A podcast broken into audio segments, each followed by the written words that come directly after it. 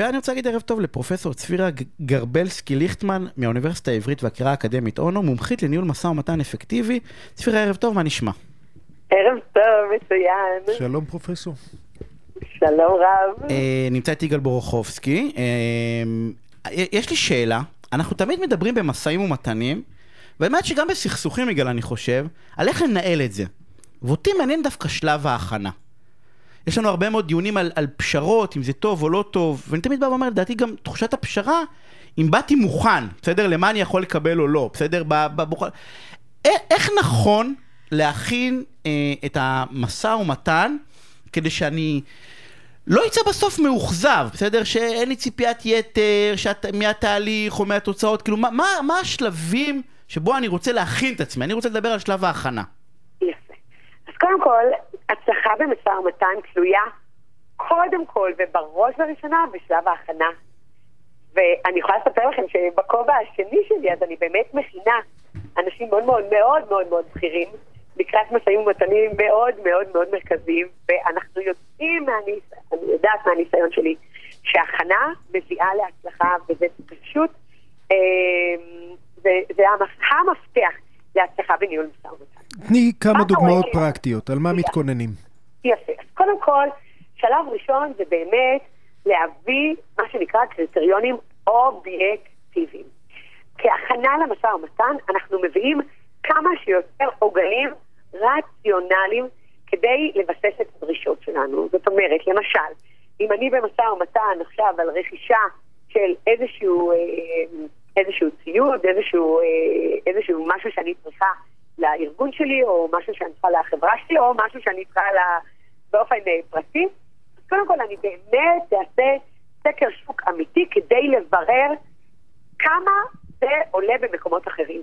זה נותן לי יסוד אובייקטיבי שיביא אותי להתנהגות רציונלית במשא ומתן, ויעזור לי גם למקסם את התועלות שלי. זאת אומרת, ברגע שאני מביאה נתון אובייקטיבי, אם יש לי הצעה במקום חלופי שנותן לי מחיר מאוד מאוד אטרקטיבי, יהיה לי קל מאוד להביא את הצד השני להסכים איתי. את גם, את גם יודעת uh, הרבה יותר טוב מה החלופות שלך, את יודעת מתי, מתי את לא תסכימי. מאוד, יפה מאוד. בהקשר הזה, בתורת המשא ומתן, המושג הזה שאתה הצגת, שנקרא חלופות, נקרא בטנה.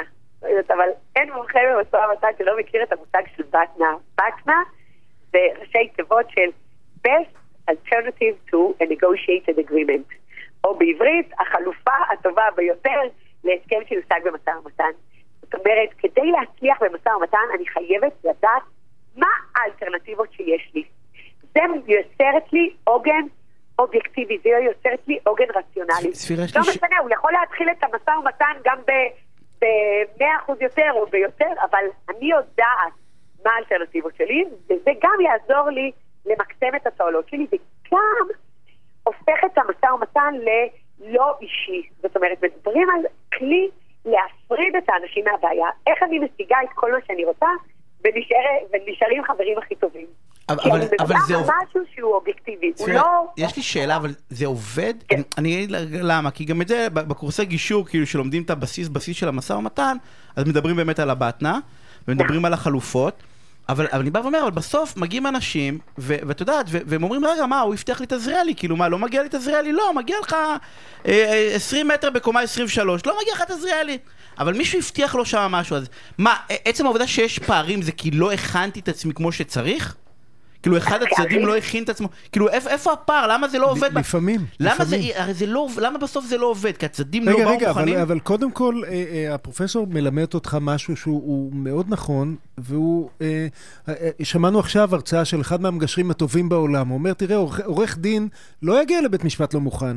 לא יגיע לחקירה נגדית לא מוכן, אבל לגישור זה נראה לו, טוב, יאללה, בואו נגיע, מקסימום מה יקרה שם. הוא אומר, זה הדיון הכי חשוב שלך, שם יתחיל ויסתיים הכל, אם תג... תגיע לכל המקומות לא מוכן, אבל לזה תגיע מוכן, וזה לא, טריו... לא טריוויאלי. אוקיי, אז אמרנו בהתנה, מה עוד? מה עוד בהכנה? דבר, אז דבר אחד זה באמת הבטנה. דבר שני, באמת להשקיע ולבסס את היסודות שוב, האובייקטיביים שיעזרו לי להשיג את מה שאני רוצה. זאת אומרת, למשל, אם אני אה, מוכרת נכס, אני אביא דוח שמאי. אני אביא דוח של איזשהו תו תקן. זאת אומרת, אני לא אגיד, הנכס מצוין. אני אגיד, הנה, הוא עומד בתקן בינלאומי לאינסטלציה, הוא עומד בתקן בינלאומי לבידוד. הוא עומד, אני מביאה קריטריונים אובייקטיביים. מהניסיון שלי, כשאתה מביא קריטריון אובייקטיבי, אתה בעצם, א', הופך את המשא ומתן למהותי ולא אישי. אני בעצם מנטרלת אגו וכבוד בעניינים לא רציונליים, שאגב גורמים לי להשיג פחות במשא ומתן.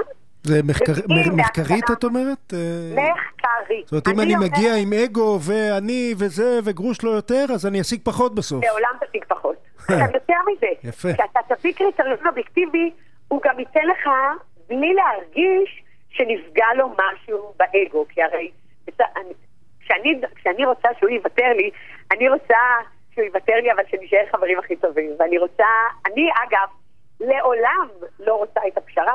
אני רוצה ווין, לא פחות. כדי להגיע לווין, אני חייבת את היסודות האובייקטיביים. דוח שמאי, דוח עורך דין. מה- עם- אה, עם הכנה על- מי שאני נושא ונותן מולו? הכנה אה, ללמוד. עליו? סופר חשוב. בסוף, הסוד בניהול משא ומתן זה לדבר את השפה שלו.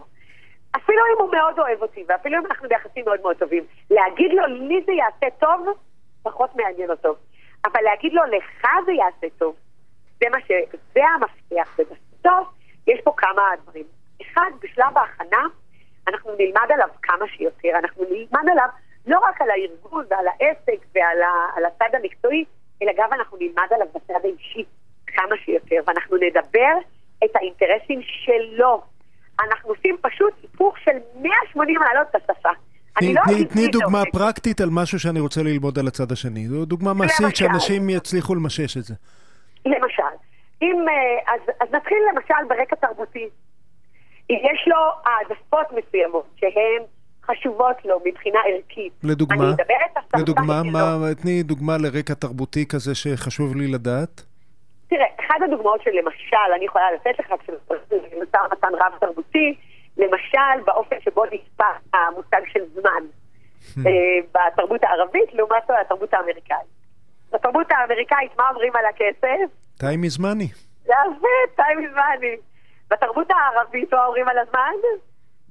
אני לא יודע, שוואיה שוואיה? יפה, שוואיה שוואיה. שוואיה שוואיה, בבקשה, דובר ערבית שוטפת. איך יצא לשוורצמן איזה שתי מילים בערבית. בבקשה.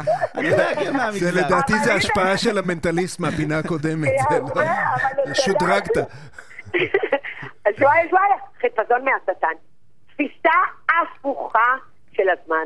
עכשיו, כשאני באה, אם אני באה מתרבות אמריקאית, לנהל משא ומתן עם מישהו מהתרבות הערבית, אז אני לגמרי אכבד את המושגים, אני אדבר את המושגים שלו. אז אנחנו בהתחלה נדבר על דברים אחרים, אנחנו לא נדבר ביזנס, אנחנו קודם נשתה קפה, קודם נדבר על המשפחה, קודם נדבר על ה... אני אדבר את השפה שלו. לא, ואם לא? הגעת מוכנה, את יכולה להיעלב, את יכולה להרגיש שהוא מזלזל בך, את יכולה כל מיני דברים, את יכולה להעליב אותו, לזלזל בו בלי שהתכוונת בכלל. נכון מאוד, ויותר מזה, ברוב המצבים זה יביא ממש, ל... זה ממש ההבדל בין הצלחה לכישלון. זאת כן. אומרת, הרבה פעמים זה ייתפס על ידי הצד השני, או בצורה לא רציונלית על, על רקע של העלבה, חוסר כבוד, או שזה ייתפס על בסיס, ומהניסיון שלי, של חוסר אמון.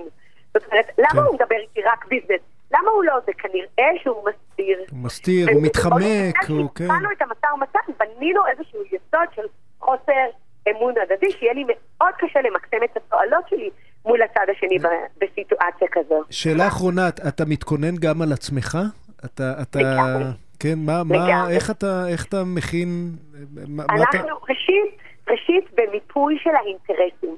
אחד הדברים המרכזיים שאני רואה זה שמנהלי משא ומתן לא עשו מיפוי מה באמת האינטרסים שלי, ובסופו של דבר צריך לזכור, המטרה של המשא ומתן היא לת- לתת מענה מיטבי לאינטרסים שלנו, ואחד הדברים הכי מתסכלים זה לקבל דברים שביקשתי במשא ומתן ולחזור מאוכזבת בגלל שבעצם לא מראש בניתי או מיפיתי את מכלול האינטרסים שלי, ואולי הרווחתי משהו בטווח הקצר, אבל אני מפסידה אינטרסים מאוד דרמטיים בטווח הארוך. ואחד הדברים המרכזיים שאני מלמדת בהכנה למשא ומתן, זה לעשות מיפוי מאוד רחב של האינטרסים.